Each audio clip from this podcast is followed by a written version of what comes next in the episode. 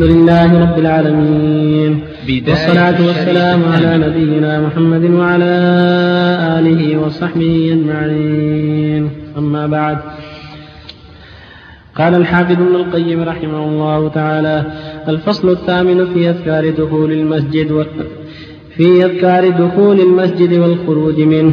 في صحيح مسلم عن أبي حميد أو أبي أسيد قال قال رسول الله صلى الله عليه وسلم إذا دخل أحدكم إلى المسجد فليسلم على النبي صلى الله عليه وسلم وليقل اللهم افتح لي أبواب رحمتك وإذا خرج فليقل اللهم إني أسألك من فضلك وفي سنن أبي داود عن عبد الله بن عمرو عن النبي صلى الله عليه وسلم أنه كان إذا دخل المسجد قال أعوذ بالله العظيم وبوجهه الكريم وسلطانه القديم من الشيطان الرجيم. فإذا قال ذلك قال الشيطان حفظ مني سائر اليوم. الفصل التاسع في أذكار الأذان. وفي الصحيحين عن أبي سعيد الخدري رضي الله عنه قال قال رسول الله صلى الله عليه وسلم إذا سمعتم النداء فقولوا مثل ما يقول المؤذن. وفي صحيح مسلم عن عبد الله بن عمرو أنه سمع رسول الله صلى الله عليه وسلم يقول إذا سمعتم المؤذن فقولوا مثل ما يقول ثم صلوا عليه فإنه من صلى علي صلاة صلى الله عليه بها عشرا. ثم سلوا الله لي الوسيلة فإنها منزلة في الجنة لا تنبغي إلا لعبد من عباد الله. وأرجو أن أكون أنا هو. فمن سأل لي الوسيلة حلت له الشفاعة. وفي صحيح مسلم عن عمر بن الخطاب رضي الله عنه قال قال رسول الله صلى الله عليه وسلم إذا قال المؤذن والله أكبر الله أكبر فقال أحدكم الله أكبر الله أكبر ثم قال أشهد أن لا إله إلا الله فقال أشهد أن لا إله إلا الله ثم قال أشهد أن محمدا رسول الله قال أشهد أن محمدا رسول الله ثم قال حي على الصلاة. قال لا حول ولا قوة إلا بالله. ثم قال حي على الفلاح قال لا حول ولا قوة إلا بالله. ثم قال الله أكبر الله أكبر. قال الله أكبر الله أكبر. ثم قال لا إله إلا الله. قال لا إله إلا الله من قلبه. لا إله إلا الله من قلبه. دخل الجنة. وبالله التوفيق. وسلم على رسول الله وعلى آله وأصحابه ومن اهتدى بهن. أما بعد فالحديثان السابقان يدلان على شرعية الذكر عند دخول المسجد والخروج منه. فعند الدخول يقول بسم الله اللهم صل وسلم على رسول الله أعوذ بالله العظيم وبوجهه الكريم وسلطانه القديم من الشيطان الرجيم. اللهم افتح لي أبواب رحمتك ويقدم له اليمنى هذا السنة. يقدم له اليمنى ويقول بسم الله اللهم صل وسلم على رسول الله أعوذ بالله العظيم وبوجهه الكريم وسلطانه القديم من الشيطان الرجيم. اللهم افتح لي أبواب رحمتك ويقدم له اليمنى وعند الخروج يقدم رجله اليسرى ويقول بسم الله والصلاة والسلام على رسول الله. اللهم إني أسألك من فضلك. اللهم أجلني من الشيطان. هكذا المؤمن. عند الدخول يقدم اليمنى ويصلي على الرسول وسلم ويقول أعوذ بالله العظيم وبوجهه الكريم وسلطانه القديم من الشيطان الرجيم. اللهم افتح لي أبواب رحمتك وعند الخروج يقدم له اليسرى ويقول بسم الله والصلاة على رسول الله. اللهم إني أسألك من فضلك. اللهم أجري من الشيطان. اللهم أجري من الشيطان. اللهم أعصمني من الشيطان. هذه السنة عند الدخول والخروج. ويقول الشيطان إذا سمع يقول أعوذ بالله العظيم ووجهه الكريم وسلطانه القديم الشيطان يقول لشيطان آخر قد فات مني سائر اليوم. يعني هذا التعوذ من أسباب السلام من أسباب السلام من عدو الله ذلك اليوم. فالمؤمن يضرع إلى الله ويدعو ويدعو بهذه الأشياء بقدر صادق مخلصا لله مقبل على الله جل وعلا راغب فيما عنده سبحانه وتعالى. والإنسان إذا سمع الأذان يقول مثل قول المؤذن. سوا سوا يقول صلى الله عليه الصلاة والسلام يا سيد المؤذن فقولوا مثل ما يقول. كبر ما يكبر تشهد مثل ما تشهد إلا في الحياله يقول لا حول ولا قوة إلا بالله. إذا قال حي على الصلاة يقول لا حول ولا قوة إلا بالله. حي على الصلاة لا حول إلا بالله. حي على الفلاح لا حول إلا بالله. حي على الفلاح لا حول إلا بالله. هكذا شرع الله جل وعلا. ثم يقول بعدها الله أكبر الله أكبر مع المؤذن لا إله إلا الله. فإذا قال هذه الأذكار من قلبه صادقا مخلصا دخل الجنة. وهذا فضل كبير وعد عظيم. ينبغي المؤمن أن يحافظ على ذلك وأن يحرص على أسباب الخير. وفي الحديث الآخر يقول عليه الصلاة والسلام إذا سمعت المؤذن فقولوا مثل ما يقول ثم صلوا علي. فإنه من صلى عليه صلى الله عليه به عشرة. ثم سأل الله الوسيلة فإنها منزلة الجنة لا تنبغي إلا لعبد من الله. فأرجو أن أكون أهله. فمن سأل الوسيلة حلت له الشفاعة. وروى البخاري في الصحيح عن النبي أنه قال من قال حين يسمع النداء اللهم رب هذه الدعوة التامة والصلاة القائمة آت محمدا الوسيلة والفضيلة وبعث مقام هنا وقته سأل الباني رحمه الله إنك لا تدخل في المئات كل هذا مستحب عند الأذان. يقول مثل قول المؤذن ويقول بها ويأتي بهذا الذكر. وهذا الدعاء. وهو حري بالإجابة. ولكن يصلي على النبي ليس مع الأذان. المؤذن بعد ما ينتهي المؤذن يقفل السماع المكبر الميكروفون ويصلي على النبي مثل الناس صلاة خفيفة ليست تبعه المؤذن الأذان بل صلاة يسمعها من حوله. وهكذا الإنسان يسمع يعني يصلي على النبي صلاة تسمع. ما فيها جهر زائد يسمعها من حوله. ويقول اللهم رب هذه الدعوة التامة والصلاة القائمة آتي محمد الوسيلة والفضيلة. وبعث المقام فليؤته كما أمر النبي صلى الله عليه وسلم وكما أرشد عليه الصلاة والسلام. والإقامة كذلك مثلها لأنها أذان ويستحب يقول عند الشهادتين رضيت بالله ربا وبالإسلام دينا وبمحمد رسولا عند قول أشهد أن الله. لقول حديث سعد بن أبي وقاص رضي الله عنه أنه قال إذا من قال حين يقول المؤذن أشهد أن لا إله إلا رسول الله وأنا أشهد. رضيت بالله ربا وبالإسلام دينا وبمحمد رسولا غفر له ذنبه.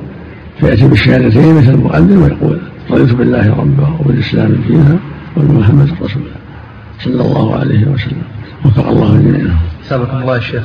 بالنسبة من خرج من بيته. وأدرك جزءا يا شيخ من الأذان. ثم مر بمسجد آخر فكذلك أدرك جزءا آخر من الأذان ثم ثالث وهكذا. فماذا يفعل الشيخ في هذه الحالة؟ يجيب كل المؤذنين نعم. أم يجيب يجيب ما دام يسمعهم يجيب من سمع يجيب كل سمع نعم. لأن أذان شرعي كل أذان شرعي نعم.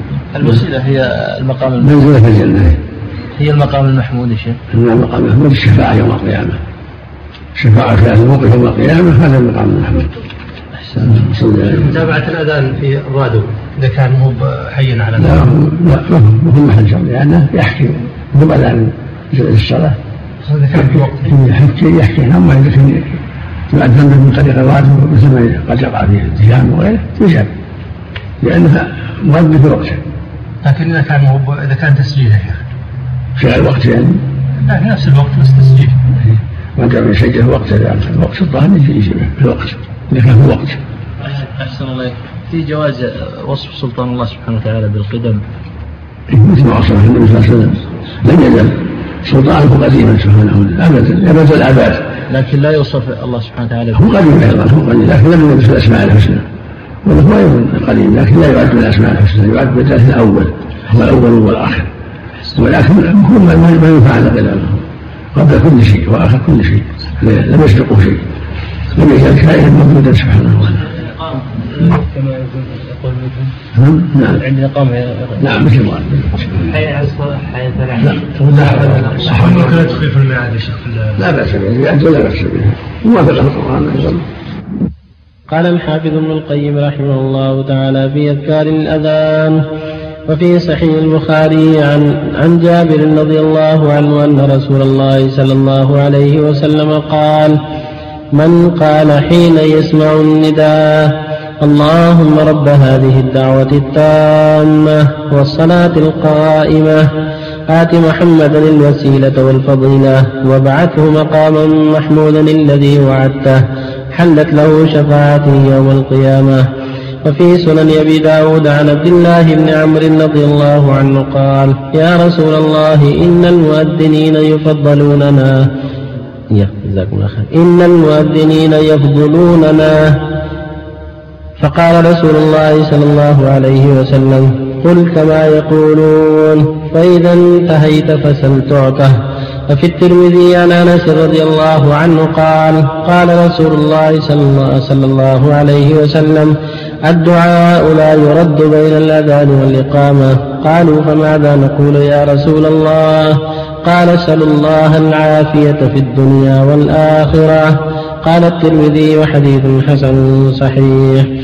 وفي سنن أبي داود عن سهل بن سعد قال قال رسول الله صلى الله عليه وسلم ثنتان لا تردان أو قلما تردان. الدعاء عند النداء وعند البأس حين يلحم بعضهم بعضا. وبالله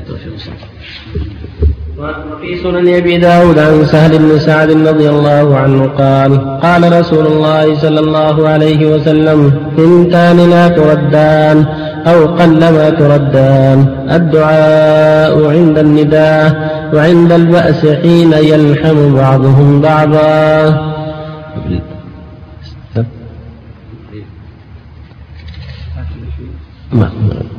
يقول يقول رواه أبو داود.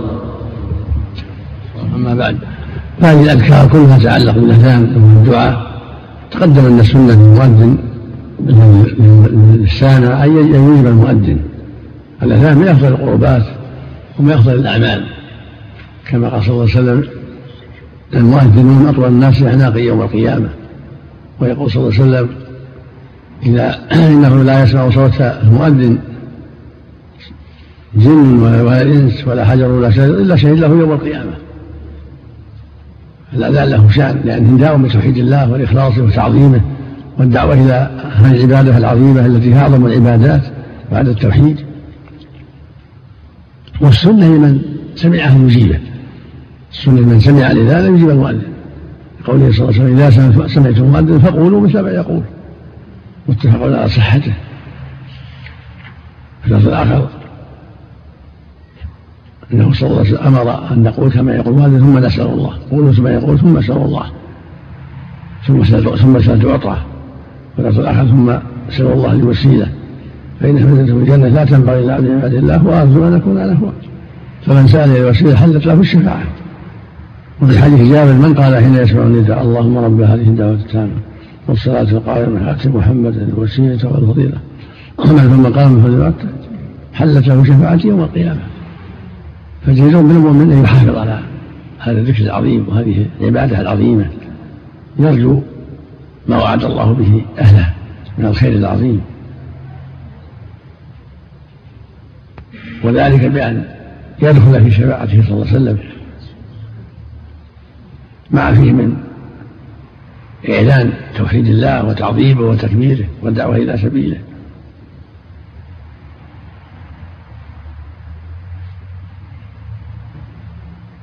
وبهذا يعلم أن الدعاء بين الأذان والإقامة فيه فضل عظيم. ولهذا قال الدعاء بين الأذان لا يرد. فهو من من أوقات الإجابة. ينبغي يتحرى الإنسان ما بين الأذان والإقامة الدعوات الطيبة والدعوات الجامعة.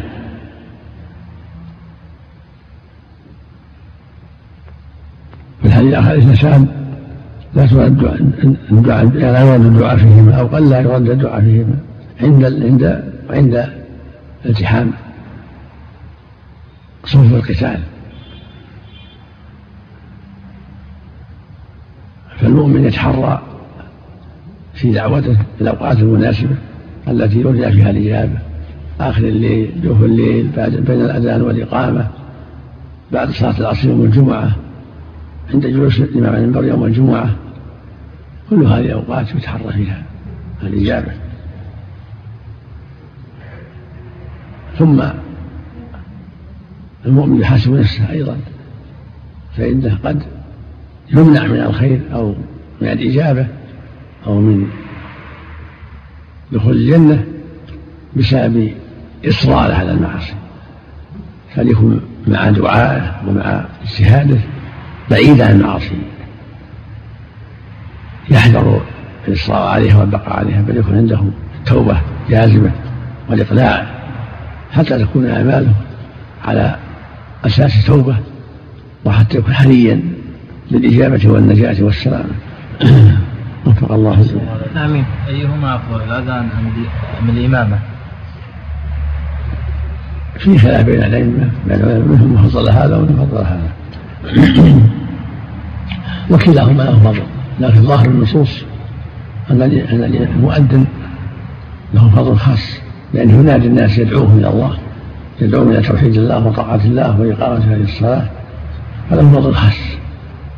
لم يرد مثله فيما نعلم في الإمامة والإمامة له فضل خاص لأن المؤذن لأن الإمام يعلم الناس صلاة النبي صلى الله عليه وسلم ويعظهم ويذكرهم. فالإمام إذا كان عنده علم وعنده بصيرة له خير عظيم. إذا ذكر الناس واجتهد في إيصال الحق إليهم. لكن ما يقال الإمامة لأن هي ما اختارها الله سبحانه وتعالى لرسوله. هو الظاهر الرسول صلى الله عليه وسلم. هو الإمام لكن ما هو يعني واضح من هي التفضيل وارد في النصوص. الإمام ظاهر والمؤذن مؤتمن.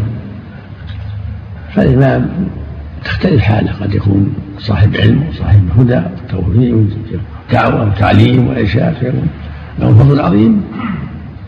لا يكون المؤذن قريبا منه. لما عنده من العلم والتوجيه والإرشاد قد يكون الإمام ما عنده علم جاهل قد يكون مؤذن أفضل منه. هذا يختلف بحسب أحوال الأئمة. الله إليك. المقصود أن الأئمة والمؤذنون يختلفون من الناس من جهة علومهم وأعمالهم. ما يعني تقريب هذا على هذا. فيه صعوبة. الله إليك. بعض المؤذنين يرفعون في مكبرات الصوت. يقول أريد أن يبلغ صوتي أقصى مدى للأجر. هل يشرح هذا؟ الأصل راح الصوت هذا هو الأصل. الأصل مثل ما قال أبو سعيد إذا كنت في غنمك وبعد فارفع صوتك بالنداء فإنه لا يسمع صوت المؤذن جن ولا إنس ولا حجر وشر إلا شهد له يوم القيامة. سمعته من نبيكم عليه الصلاة والسلام. ما يقال هذا مخصوص بالصوت؟ المفرد بدون المكبرات لأن بالمكبر لا لا يجتهد المؤذن في رفع صوته بل قد يؤذن بصوت منخفض ويكون الصوت مرتفع بواسطة لو الذي فضل الله واسع. يوظف السلة وما يعينه أو فضل الله واسع. أحسن الله إليك. فضل الله واسع. أحسن الله إليك. نعم. بالنسبة للدعاء بعد الأذان هل يكون بعد الأذان مباشرة أو بعد السنة؟ أحسن الله إليك؟ لا. بعد الأذان بعد الأذان وبعد الراتبة لأن الإنسان قد يأتي في الطريق قد يجلس بعد صلاة تحية المسجد قبل الأذان. المقصود دعا بين الأذان والإقامة سواء في الصلاة تحية المسجد أو في الصلاة التي مشروعة قبل الأذان أو في حال الجلوس. شيخ قوله لا تردن أو قل ما تردن من كلام الرسول صلى الله عليه وسلم. نعم نعم نعم حديث أنس صحيح يا شيخ. نعم. حديث أنس؟ ضعف المحشي إيش؟ حديث أنس. اي حديث الترمذي الدعاء لا ترد لا يرد بين الأذان والإقامة. يقول له طرق جيد. له طرق جيد. له طرق كثيره يقول هذا وإسناده صحيح في عن طريقه. يقول فيه أنه رواه زيد العمي يا شيخ. لا لا طرق أخرى. وزيد بن الحواري. أبو الحواري قال إهراه وهو ضعيف وفيه أيضا يحيى بن اليمان العجلي وهو صدوق عابد يخطئ كثيرا وقد تغير. قد رواه أحمد في المسند. من طريق أخرى عن أنس بلفظ الدعوة لا ترد بين الأذان والإقامة فادعوا وإسناده صحيح. صح ابن خزيمة. نعم إن على أنس فيه طرق. لاحظنا طرقا بعضها صحيح مثل ما قال الناس. إذا كان في خلل وتأخر عن وقت الأذان. دخل الوقت لكنه تأخر. هل يأذن أو يأذن مثلا في البر. يأذن متى أراد الصلاة يأذن. وإذا كان مسافر يقصر الصلاة يأذن يأذن في السفر والحضر السلام. عليكم جزاك الله بالخير. إن شاء الله يطول عمرك. إذا صار مطوع وصلى بنا ما هو بعد جدود الله يحسن لي قلتها مع ركعتين. وقرأ التحيات لما هو بعد جدود سلم. هل ما نصلي نعيد الصلاة معه ولا صلاتها تامة؟ إن الله يرضى عليك؟ أنت يكون واحد.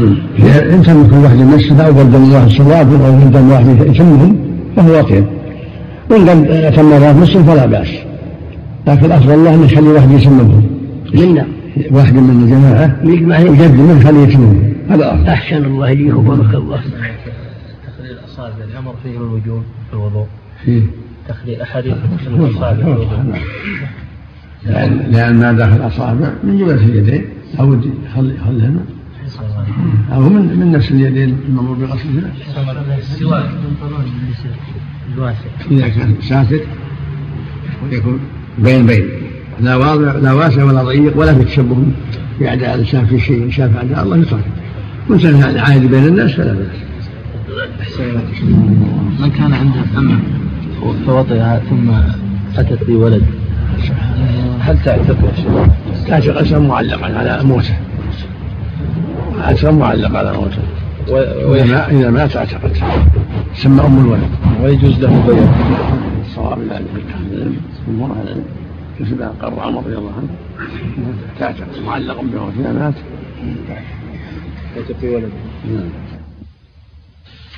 قال الحافظ ابن القيم رحمه الله تعالى في أذكار الأذان وفي سنن أبي داود عن أم سلمة رضي الله عنها قالت علمني رسول الله صلى الله عليه وسلم أن أقول عند المغرب اللهم هذا إقبال ليلك وإدبار نهارك وأصوات دعاتك وحضور صلواتك فاغفر لي.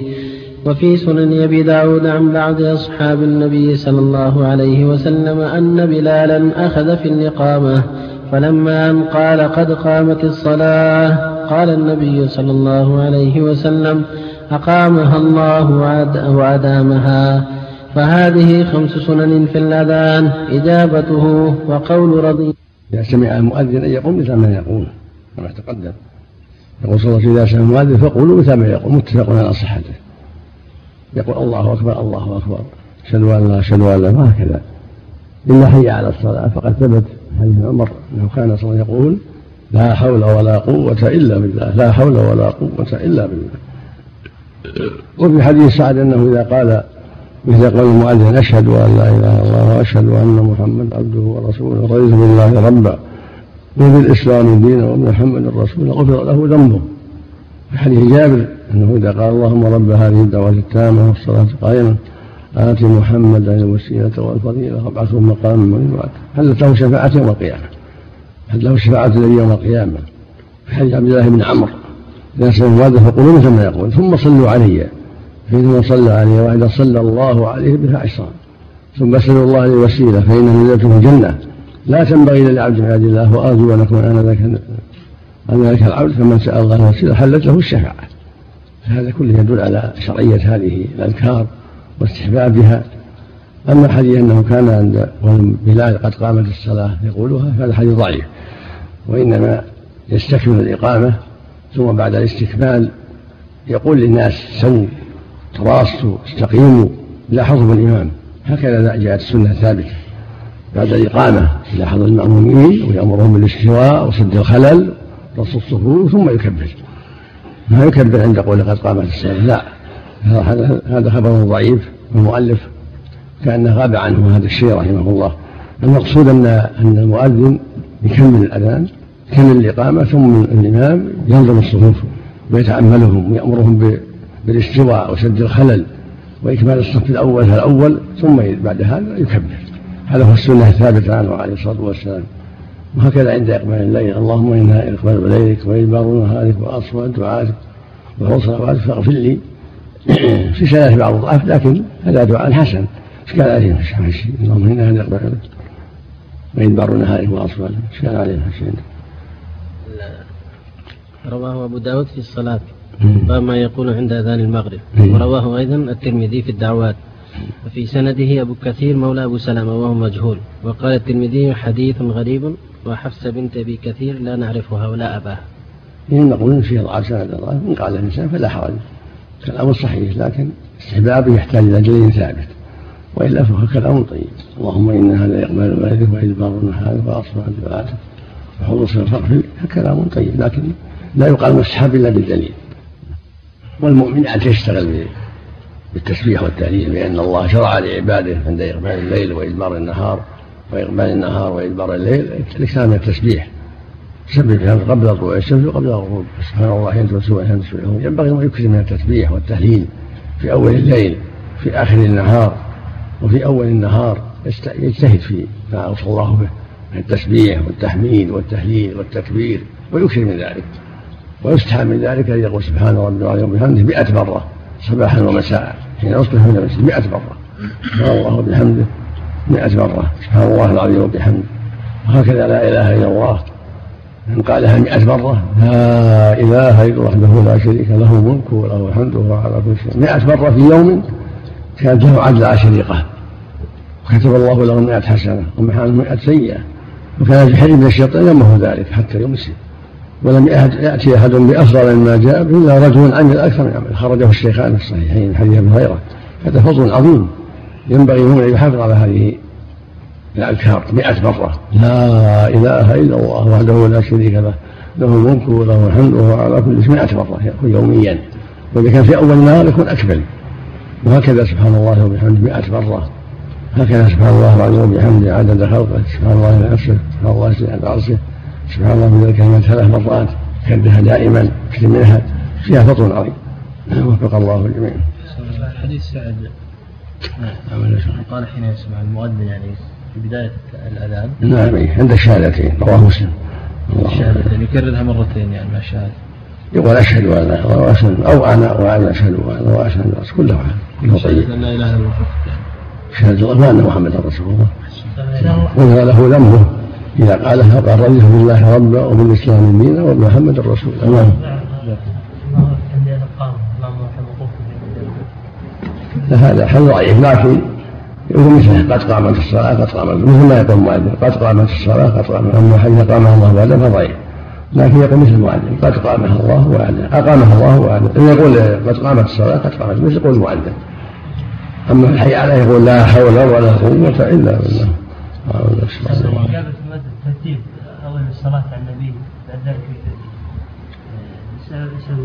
لا الصلاة عليه بعد الفراغ بعد ما يفرغ.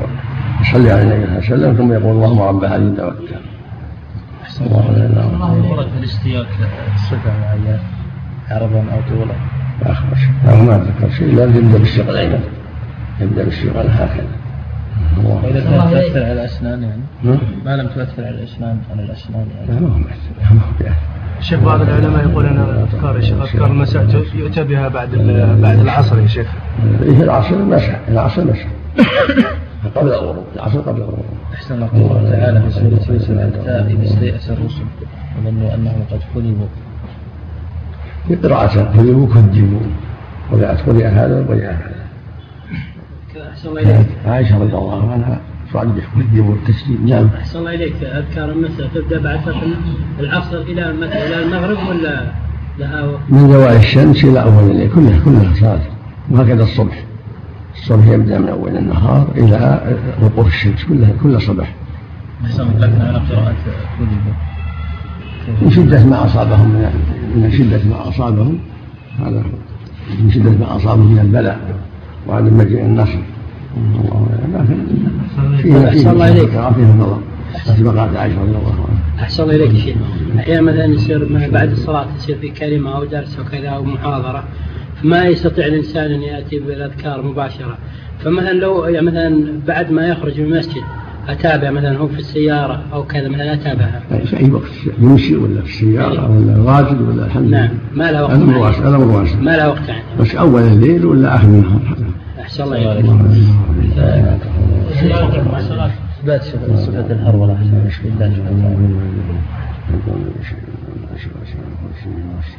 ولا يؤول ينكر الحديث يقول الله أعلم. هذا وجه يليق بالله ما عليك ما عليك تفصيل. نؤمن بالله وما جاء عن الله. على الوجه الذي أراده الله. نعم. لا يعلم كيف إلا الله سبحانه وتعالى. كيف استوى كيف يغضب كيف يرضى كيف يضحك. الله أعلم. ومن يوجهها ومن يوكله علمها إلى الله. لا يعلم كيف الصلاة مثل ما قال مالك رحمه الله. الاستواء معلوم والكيف مجهول والإيمان به واجب. قال الحافظ ابن القيم رحمه الله تعالى الفصل العاشر في أذكار الاستفتاح. في الصحيحين أن النبي صلى الله عليه وسلم كان يقول في استفتاحه اللهم باعد بيني وبين خطاياي كما باعدت بين المشرق والمغرب. اللهم نقني من خطاياي كما ينقى الثوب الأبيض من الدنس. اللهم اغسلني من خطاياي بالماء والثلج والبرد. وفي سنن أبي داود عن جبير بن مطعم أنه رأى رسول الله صلى الله عليه وسلم يصلي صلاة قال الله أكبر كبيرا والحمد لله كثيرا وسبحان الله بكرة وأصيلا ثلاثا. أعوذ بالله من الشيطان الرجيم من نفخه ونفثه وهمزه. من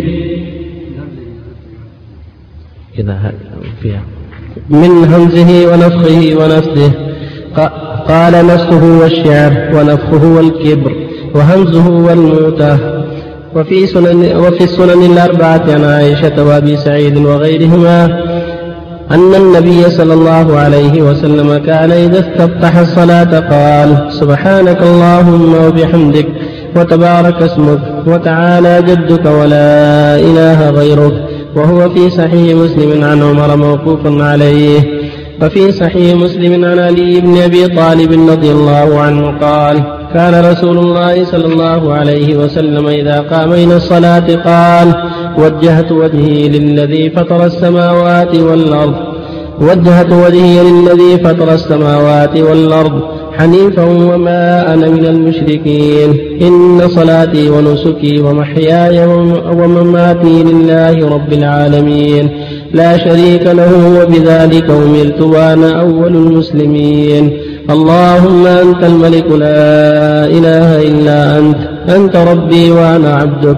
ظلمت نفسي وأعترفت بذنبي. فاغفر لي ذنوبي جميعا. إنه لا يغفر الذنوب إنه لا يغفر الذنوب إلا أنت. واهدني لأحسن الأخلاق لا يهدي لأحسنها إلا أنت. واصرف عني سيئها لا يصرف عني سيئها إلا أنت. لبيك وسعديك والخير كله في يديك والشر ليس إليك. أنا بك وإليك تباركت وتعاليت. أستغفرك وأتوب إليك. وفي صحيح مسلم عن عائشة رضي الله عنها كان رسول الله صلى الله عليه وسلم يفتتح صلاته إذا قام من الليل. اللهم رب جبريل وميكائيل وإسرافيل فاطر السماوات والأرض عالم الغيب والشهادة أنت تحكم بين عبادك فيما كانوا فيه يختلفون. اهدني لما اختلف فيه من, من الحق بإذنك إنك تهدي من تشاء إلى صراط مستقيم. وفي الصحيحين عن ابن عباس رضي الله عنهما قال كان رسول الله صلى الله عليه وسلم يقول, يقول إذا قام إلى الصلاة من جوف الليل اللهم لك الحمد أنت نور السماوات والأرض ومن فيهن ولك الحمد أنت قيوم السماوات والأرض ومن فيهن ولك الحمد أنت رب السماوات والأرض ومن فيهن ولك الحمد أنت الحق ووعدك ووعدك الحق. وقولك الحق ولقاؤك حق والجنة حق والنار حق والنبيون حق ومحمد صلى الله عليه وسلم حق والساعة حق اللهم لك, لك أسلمت وبك آمنت وعليك توكلت وإليك أنبت وبك خاصمت وإليك حاكمت فاغفر لي ما قدمت وما أخرت وما أسررت وما أعلنت أنت إلهي لا إله إلا أنت. وبالله الحمد لله وصلى الله وسلم على رسول الله وعلى آله وأصحابه. أما بعد هذه الأحاديث ستة كلها تتعلق بأذكار الاستفتاح. أول ما يبتدئ الصلاة حين يكبر التكبيره الاولى يأتي شيء بواحد من هذه الأذكار التي جاءت عن النبي صلى الله عليه وسلم. وأقصرها وأسهلها على كل أحد. سبحانك اللهم وبحمدك وتبارك اسمك وتعالى جدك ولا إله غيرك. هذا أقصرها كله ذكر. إذا كبر التكبير الأولى يقول إذا قال الله أكبر في الفرض أو النفل يقول سبحانك اللهم وبحمدك وتبارك اسمك وتعالى جدك ولا إله غيرك. جد العظمة جدك يعني عظمتك. ولا إله غيرك يعني لا معبود بحق سواك. هذا جاء في عدة أحاديث حديث أبي سعيد حديث عائشة حديث عمر. كان عمر يعلمه الناس رضي الله عنه. كان يعلمه الناس عن المنبر لأن اختصاره من كل توحيد وتنزيه لله عز وجل. وثبت عنه صلى الله عليه وسلم أنه كان يستفتح أيضا في الفرائض بقوله اللهم باعد بيني وبين خطاياي كما بعدت بين المشرق والمغرب. اللهم نقني من خطاياي كما ينقى الثوب الأبيض من الدنس اللهم اغسلني من خطاياي بالثلج والماء والبرد. قال أبو هريرة يا رسول الله أرادك سكوتك بين التكبير والقراءة؟ ما تقول؟ يعني في أول الصلاة قال أقول اللهم باعد بيني وبين خطاياي كما بعدت بين المشرق والمغرب. اللهم نقني من خطاياي كما ينقى الثوب الأبيض من الناس. اللهم اغسلني من خطاياي بالثلج والماء والبرد. هذا من أصح الأحاديث وأثبتها عن النبي صلى الله عليه وسلم. فإذا استفتح بهذا أو هذا كله طيب. واستفتاح آخر ثالث حديث جبير مطعم يكبر ثلاثا ويسبح ثلاثا ويحمد الله ثلاثا يكررها ثلاثا وهذا أيضا استفتاح مختصر واستفتاح الرابع اللهم رب جبريل وميكائيل وإسرافيل فاطر السماوات والأرض والشهادة أنت تحكم بين عبادك فيما كانوا يختلفون. اهدني لما اختلف من حق بينك إنك تهدي من تشاء إلى صراط مستقيم. يستفتح بهذا في آخر الليل إذا قام يتهجد عليه الصلاة والسلام. ولا بأس أن يستفتح في جميع الصلوات. اللهم رب جبريل وميكائيل وإسرافيل فاطر السماوات عالم الغيب والشهادة. أنت تحكم بين عبادك فيما كانوا فيه يختلفون. اهدني لما اختلف من أقدرك إنك تهدي من تشاء إلى صراط مستقيم. وهذا من أجمع الاستفتاحات أيضا. ومنها الاستفتاح الخامس قوله وجهت وجهي لفطر والارض حنيفا وما مشركين إن صلاتي ونسكي ومحياي ومماتي لله رب لا شريك له. وبذلك امرت وأنا من أول المسلمين. يقول النبي أنا أول المسلمين وأما الإنسان يقول أنا مسلمين واحد من الأمة يقول أنا من المسلمين. اللهم أنت ربي لا إله إلا أنت ظلمت نفسي واعترفت ذنبي فاغفر لي ذنوبي جميعا إنه لا يغفر إلا أنت. واهدني لأحسن الأخلاق لا يهدي لاحسنها إلا أنت. واصرف عني سيئها لا يصرف عني سيئها إلا أنت. لبيك وسعديك والخير كله في يديك والشر ليس إليك. أنا بك وإليك تباركت وتعاليت أستغفرك وأتوب إليك. استفتاح سادس كان يأتي به الجو إذا قام يصلي في جو الليل. استفتاح طويل. واللهم لك الحمد. أنت قيم السماوات فيهن. لك الحمد أنت نور السماوات فيهن. ولك الحمد أنت ملك السماوات فيهن. ولك الحمد أنت الحق. وعدك الحق. قولك الحق. ولقاؤك حق والجنة حق والنار حق والساعة حق والنبيون حق ومحمد حق اللهم لك أسلمت وبك آمنت وإليك توكلت وإليك أنبت وبك خاصمت وإليك حكمت. فاغفر لي ما قدمت وما أخرت وما أسررت وما أعلنت وما أنت مني. أنت المقدم وأنت المؤخر. لا إله إلا أنت. هذا استفتاح عظيم طويل. والمؤمن يأتي ما تيسر من هذا. وأخسرها وأسرها على كل أحد. سبحانك اللهم وبحمدك وتبارك اسمك وتعالى جدك ولا اله غيرك ثم يقول اعوذ بالله من الشيطان الرجيم. بسم الله الرحمن الرحيم. ثم يقرأ الحمد. وإن قرأ أعوذ بالله السميع من الشيطان من همزه ونفخه ونفخه فلا بأس. همزه صرع المؤتة ونفخه الكبر ونفخه الشعر. هذه استفتاحات يقولها صلى الله عليه وسلم. مرة يأتي بهذا ومرة يقول هذا ومرة يقول هذا عليه الصلاة والسلام. كلها توجه إلى الله تعظيم له وسؤال له وضراعة بين يديه تقديس له سبحانه وتعالى ثم يقرأ الفاتحة في الظهر والعصر والمغرب والعشاء والفجر في تهجده بالليل في صلوات النوافله وفق الله الجميع. احسن عملك يعني تكون كل الاستفتاحات تقال كل ما شاء ما هناك تخصيص. لا لا صلوا كما رأيتم صلوا ما ما جاز في هذه جاز في هذه إلا بدليل لكن أحسن الله ما كان منها طويلا وكان في الصلاه لكن الطويل يليق بتهاجم الليل. الصلاه الجهرية. لأن الصلوات التي يقوم فيها الناس قد يشق عليهم بعض الشيء التطويل. أو إذا كان مأمون قد يكون يقرأ الاستفتاح والإمام يقرأ الفاتحة. لا لا يقرأ السورة مختصر يأخذ بالمختصر. مختصر حتى لا حتى ينصت. الله يحسن عنك الله إليك هذا سائل يقول سماحة الشيخ إني أحبك في الله أبي كبير في السن والحج فيه مشقة مادية عليه هل يجوز أن أحج عنه حيث أني أعمل بالمملكة؟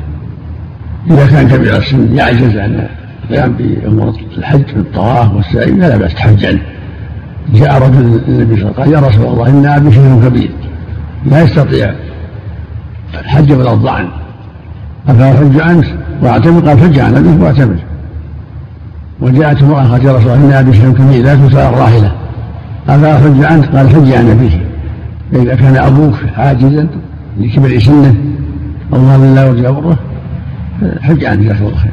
إذا كنت حجيت عن نفسك. ولا إذا كان ما حجيت عن نفسك لا تبدأ بحج النفس أول إذا حجيت عن نفسك تحج عنه في عام آخر.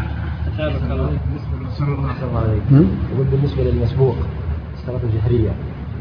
في قراءة الفاتحة. يبدأ بالفاتحة أو أو الاستفتاح. الاستفتاح أول ما يكبر المسبوق أول ما يكبر مع الإمام يستفتح إذا تيسر. له كان الإمام يقرأ ينصت. ينصت ويحسن ينصت أولى أحسن. لا سنة. الاستفتاح سنة مستحب. نعم. الإنصات أولى من إذا كان الإمام يقرأ لا يستفتح. يكبر وينصت. الله يحسن عليك أنا أبوي شايب.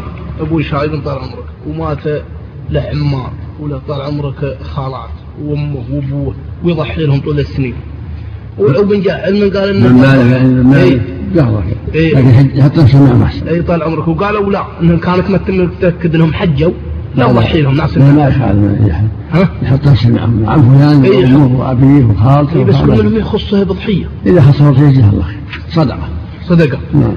يعني ما فيها هذا صدقه لي من يقول يا شيخ أن بعض الرسائل وإن حطها له هويه جميع فلا بأس. يعني تكفي الوحدة؟ عن هويه. عن هويه من يقول أن بعض رسائل ابن القيم وابن رجب فيها شيء من التصوف. مثل مدارج السالكين ورسالة ابن رجب الخشوع في الصلاة. يعني السالكين كلها رد على المتصوف لكن يتسامح في بعض الشيء. الله يحسن عملك.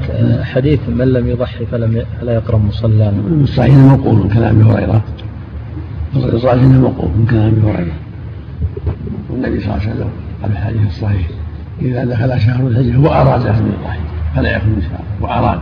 تكون متأكدة دل على أنه ليس بفريضة نعم. لكن تكون متأكدة. نعم الضحيه سنه مؤكده من فعل النبي صلى الله عليه وسلم. على من قدر عليها. نعم. من فعل النبي كان يضحي كل سنة صلى الله عليه وسلم. ولا يلزم أن يستدين أحسن الله عليك لا لا. أحسن الله إليك. بالنسبة لي يذهبون إلى مكة يعني يسكنون في م- في منى. قبل بداية الحج يعني في مثلا أول ذي الحجة. هل يقصرون الصلاة؟ أحسن الله إليك.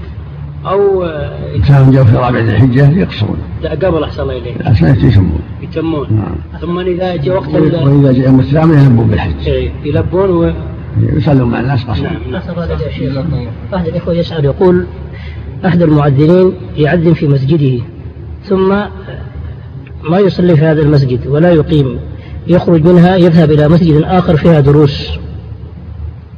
في مثل هذه الحالة يقول آه، ماذا يكون عليه؟ إذا سامح المؤذن إذا سامح الإمام نعم. أقام بجاله نعم. ما يضر إن شاء الله. فلا شيء عليه. لا تسامحوا ما جزاك الله خيرا. الشريعة الإسلامية إذا كان تكلم الشريط عن المسيح الدجال يأتون في مقدمة الشريط برجل يمشي وكأنه مسلسل في أقدامه. هل يعتبر من استهزاء؟ يصورونه الدجال لا في الشريط كأنها رجل يمشي, يمشي وعليه سلاسل مقيد. صورة؟ صوت صوت. صوت رجل. إيه. صوت رجل يمشي ومقيد بالسلاسل. يعني- صوت السلاسل يجب يعني يمثلون الدجال لا، إي نعم. مؤثرات أحسن الله إليك يعني. يستعملونها مؤثرات صوتية. سهل إذا كان ما فيها صورة سهل صلاة ما ورد الناس إلا بعدين بعد بعد ما ينزل المسيح ويقتله ما ورد أن يداه موثوقة إلى عنق أحسنك الآن. ما ما ما- محبوس في جزيرة حبس في جزيرة من لم يؤذن له في الخروج؟ فقط بس. هو موجود الآن أحسن الله عليك. صحيح صحيح موجود. الله يحسن عليك. كما في الحديث. الله إليك صحيح مسلم أنه حديث الجساسة